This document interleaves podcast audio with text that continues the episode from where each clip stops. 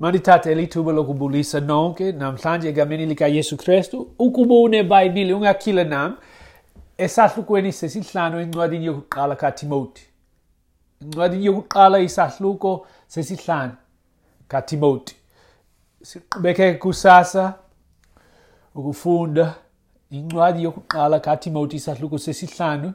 Apha namhlanje sizofunda sizofunda ngokukhathalela ngokwethu. Kwaye ukuba ungakhumbula kwakukho ingxaki ezininzi kule cawa le cawa yase-efesi. Upawulos washiya umthwano wakhe elukholweni kule cawa ukuncedisa eli bandla nengxaki enkonzweni ebandleni.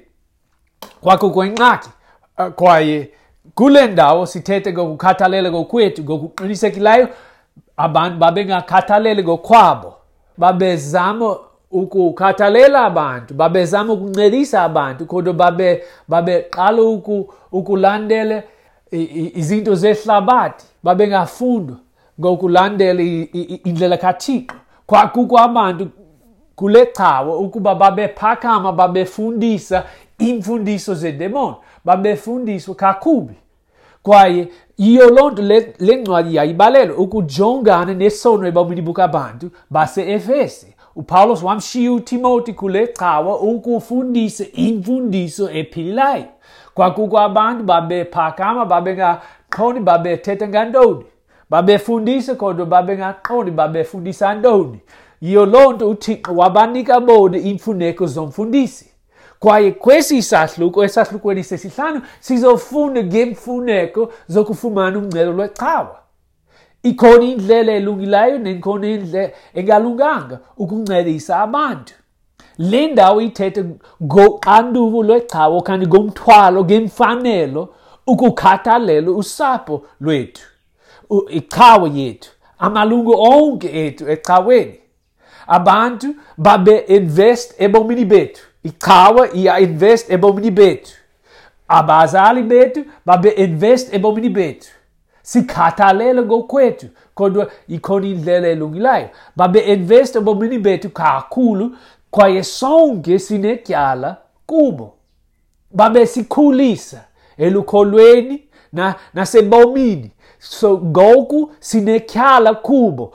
Thina kufuneka sifunde ngokukhathalela ngokwethu. Evesini 3 masifunde ivesi 3 ukuya kwe-16 idizozama ukucacisa ezi vesi ithi ibhayibhile babeke abahlolokazi abangabahlolokazi ngeneni ke ukuba kukho umhlolokazi uthile unabantwana nokuba ngabazukulwana ukuqala mabafunde underline mabafunde ukuhlonela elabo ikhaye babe buyekezele ububuyekezo no oninakhulu kuba oko kuhle kwamkelekile emehlweni kathixo. Ke yena ongumhlolokazi ngeneni eshiwa yedwa uthembele kuthixo. Uhlala ehlele ekukhungeni nasemithandazweni ubusuku nemini kodwa yena omnqamla iziyolo ufile. Nakuba ngathi udla ubomi. Bathethela ezi zinto ukuze bangabi nakukhalazeleka ukuba ke umntu akabakhathalele khathalele abake ngokukodwa abendlu yakhe ulukhanyele ukholo unobubi ngaphezu kungakholwayo makangabalelwe enanini? Makangabalelwa enanini labahlolokazi umhlolokazi ongaphansi kweminyaka emashumi mathandathu owayengumfazi wandodenye. Enqinelwe ngemisebenzi emihle. Ukuba wondle abantwana ukuba wamkele indwendwe ukuba uzihlambile inyawo zabangcwele ukuba ubasizile ababandezelweyo ukuba usukeleni nemisebenzi yonke elungileyo ke bona abahlolokazi abatsha bamangale. Kuba xa bathe badimala ngukrestu bothando ukwenda. Benesigwebo sokuba baluchichisile ukholo lokuqala. Kunye noko ke bafunde ukungasebenzi nto bethungelana nezindlo banganeli kungasebenzi into kodwa. Basuka kananjalo babe ngabapholopolo bazifake kwizinto zabanye. Bathethe izinto ezingafanelekileyo.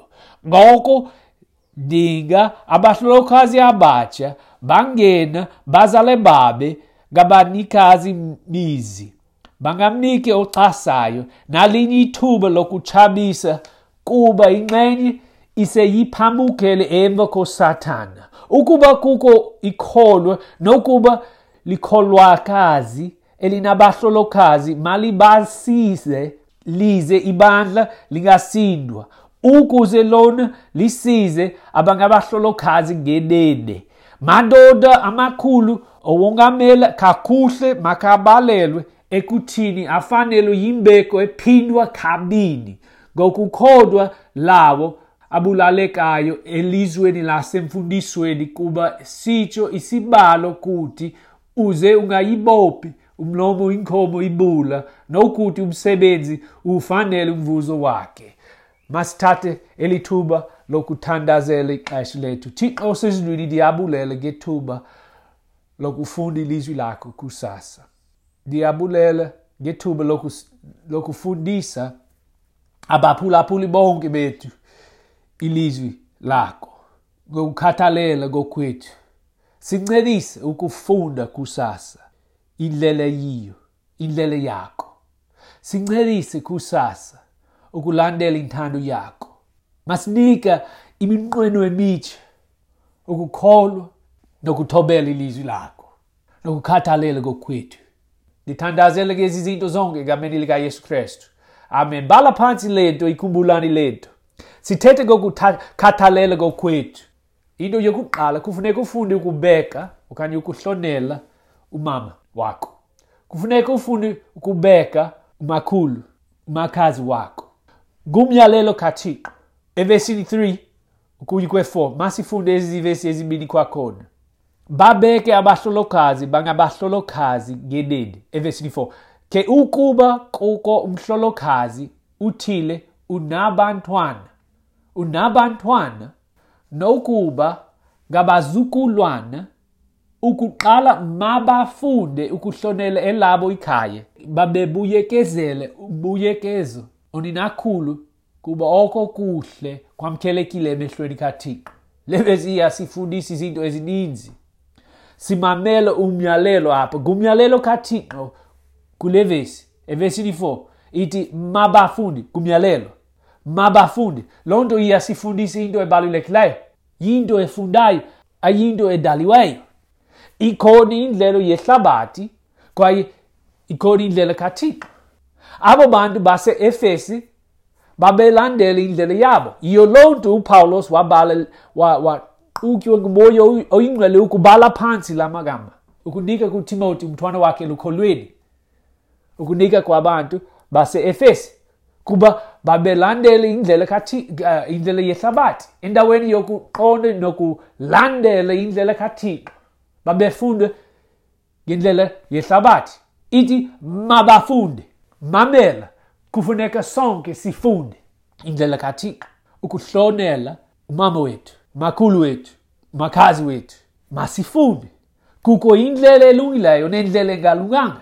Ithi ibhayibhile babebuyekezele umbuyekezo oninakhulu. Babe-invest ebomini bethu. Kwaye njengokuba kubaliwe apha sinetyala kubo. Babesikhulisa umama wakho okanye umakhulu wakho okanye umakhazi wakho wayekukhulisa kwaye kule vesi sifunde into ebalulekileyo. Sifunde isizathu sokuthobela. Ithi ibhayibhile kuba oko kuhle kuhle kwamkelekile emehlweni kathixo. Ngamanye amazwi ukuba ungathanda ukumkholisa uthixo kufuneka ufunde ezi zinto nokuzithobela. Ngumyalelo bheka hlonela umama wakho. Ibhayibhile evesini 7 iyalela abafundisi ukuzibeka ezi zinto ngaphambi kwabantu babo. Ngokuphindaphinda evesini 7 fundani nam? Bathethele bathethe lezi zinto ukuze bangabi nakukhalazeleka ngumsebenzi wami ukuzibeka ezi zinto ngaphambi kuwe. Kwaye ngumsebenzi wakho ukuzibeka ezi zinto ngaphambi kwabantu bakho.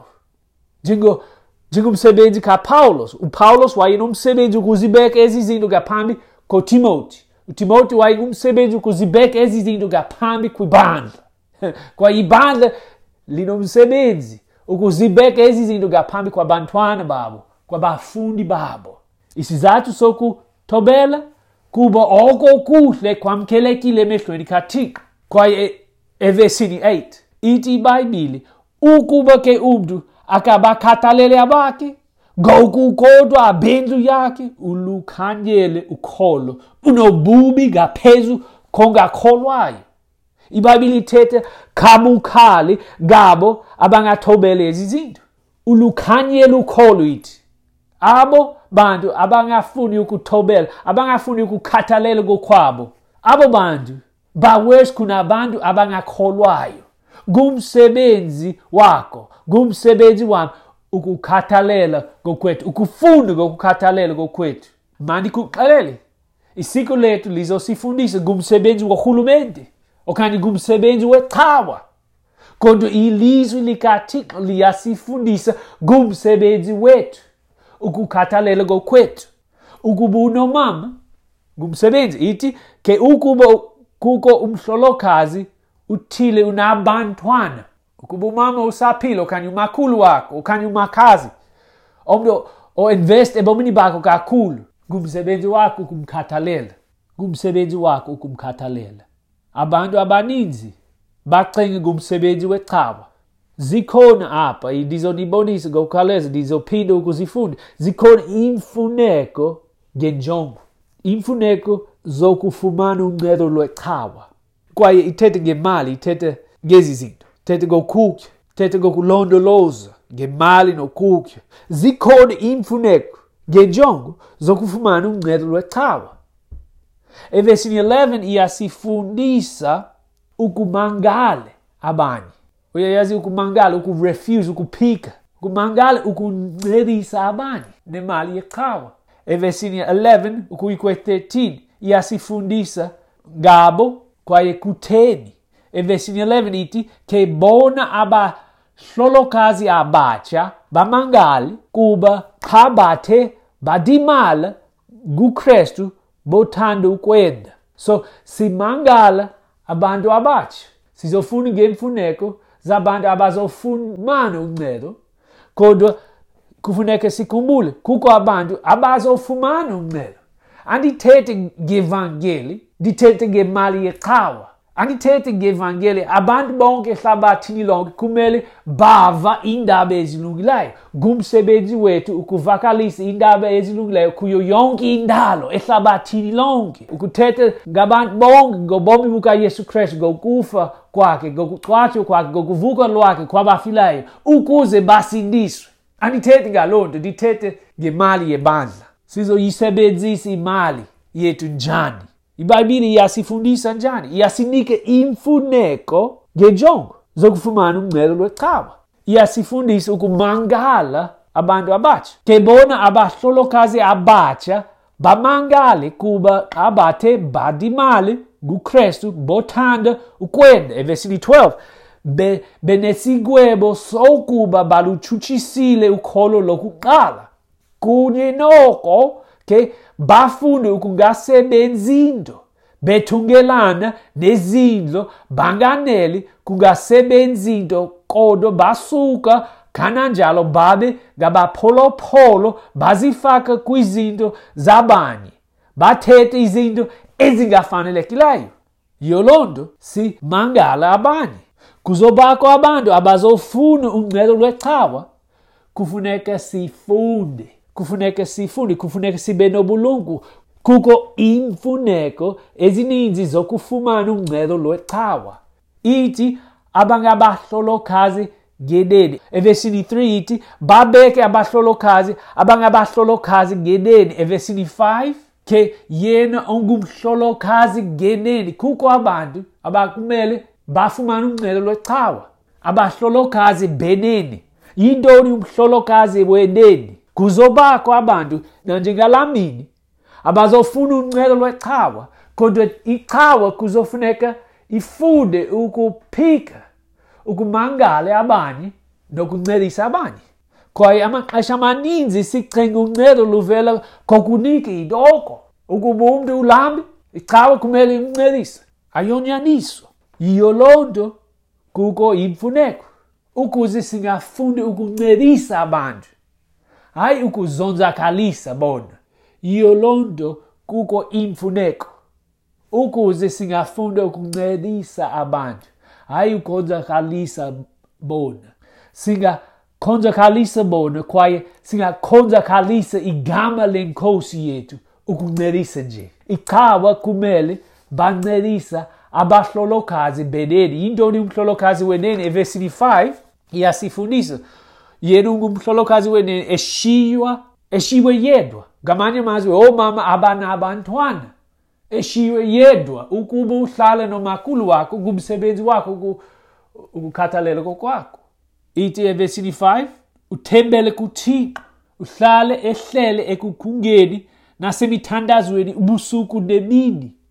Uthembele. Umuntu othembele uthixo. Ngumuntu ebengena enkhonsweni ngumuntu ebekhonza ngumuntu ebenomlungiselelo enkhonzweni ngumuntu osebenza emthandazweni.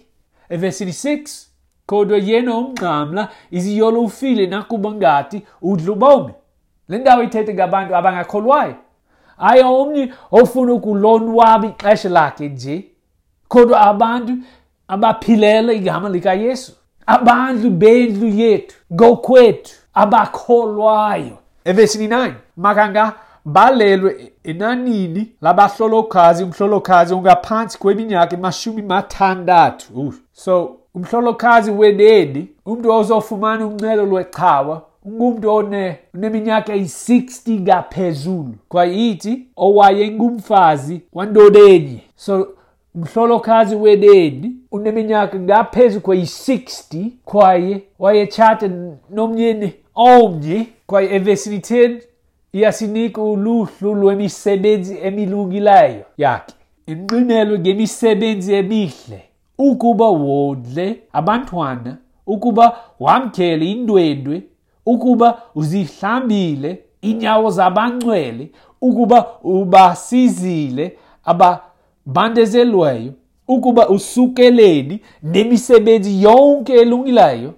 Lo mntu kumele afumane uncedo lwecawa ngamanye amazwi umama onobungqina obulungileyo omdala kakhulu. Kwaye evesini 11 ukuyi kwe-14 kwakhona iyasinika uluhlu lwabantu ukumangala. Cawa kumele bamangale abanye kuba ichawa ikhona ukuncedisa abantu. Hayi ukonzakalisa abantu. Hayi ukonzakalisa igama likayesu kristu. Ukuba sincedise nje singakonzakalisa abantu kwaye wena nam besifuna ngale nto esahlukweni 4 kufuneka sithathe isigqibo. Ndizokholwa ilizwi lonke njengenyaniso. Ndizokholwa ilizwi lonke. Nangona asiliqonde ilizwi lonke ekugqibeleleni. Uyakhumbula ithini ibhayibhile encwadini? Kwabasetesalonike isahluko 3 kwabasetesalonike isahluko 3 ivesi 10 kuba naqanikweni besikuni sanithethele ngelithi. Ukuba umntu akathandi ukusebenza makangadli nokudla kuba siyeva ukuba ingxenye phakathi kwenu ihambe ngokunqanqa ingasebenzi nento. Izifaka kwizinto zabanye. Evesini 12 abanjalo ke siyabathethela sibavuselela ngayo inkosi yethu yesu kristu ukuba bathi basebenza ngokuzola badle esisesabo isonka. So ukuba abantu abafuni ukusebenza akumele bakhe njengokuba kubaliwe kwilizwi. Ukuba bayazama ukusebenza abakwazi aba ukufumana umsebenzi masibancedise. Kodwa enyanisweni bambalwa kuba uthixo uzokhathalela ngokwakhe. Kufuneka sikholwe ilizwi likathixo lonke njengenyaniso. Ukuba bazalwana baphulaphule ukuba sincedisa bona abahlolokazi abatsha bonke abasokhola bonke abanakukya ukuba sincedise bona asizoba namali yokwenza izinto ekumele sizenze.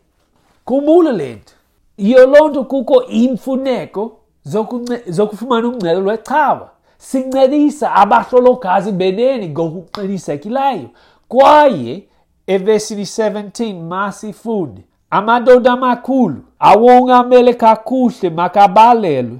Ekuthini afanele yimbeko ephindwe kabili ngokukhodwa lawo abulalekayo elizweni nasemfundisweni. Kuba sitsho isibalo ukuthi uze ungayibophi umlomo inkomo ibula. Nokuthi umsebenzi ufanelwe umvuzo wakhe. So sincelise abahlolokazi beneni kwaye sincelise njengokuba kubaliwe apha amadoda amakhulu ukuba sincelise bona abanye ukuba asifuni ukumangala abanye asizoba namali yokwenza izinto ekumele sizenze. Kwaye kufuneka siyalelwe ukukhathalela ngokwethu.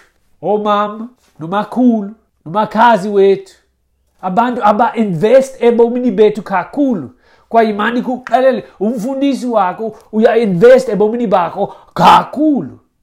Sincedise amadoda amakhulu. Khumbula xa ibhayibhile isebenzisa amadoda amakhulu ithetha ngabaveleli ithetha ngabafundisi. Ungabona le nto xa ufunda ngomsebenzi wabo.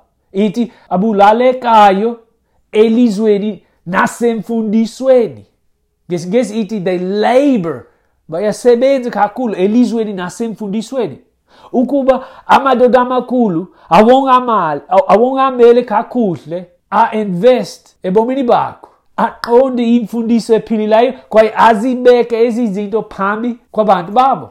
Icawa inoxanduva ukumlondoloza umfundisi kwaye ithi ibhayibhile kabini kabini loo nto ithi ukuba ufumane umvuzo we-4000 ngenyanga umfundisi wakho kumele ufumane u-8000 uyakholwa ilizwi likathixo?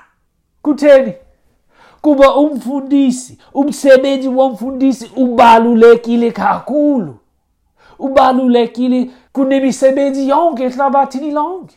Ubalulekile kunoqerha uzokukhokhela kobomi obungunaphakade abantu babathala bavumele ukubathala imali eninzi kuphila ngcono ingaba uvumele ukubathala imali engakanani ukuva amazwi wobomi obungunaphakade? Ingabe uvumele ukubathala imali engakanani ukuva amazwi wobomi?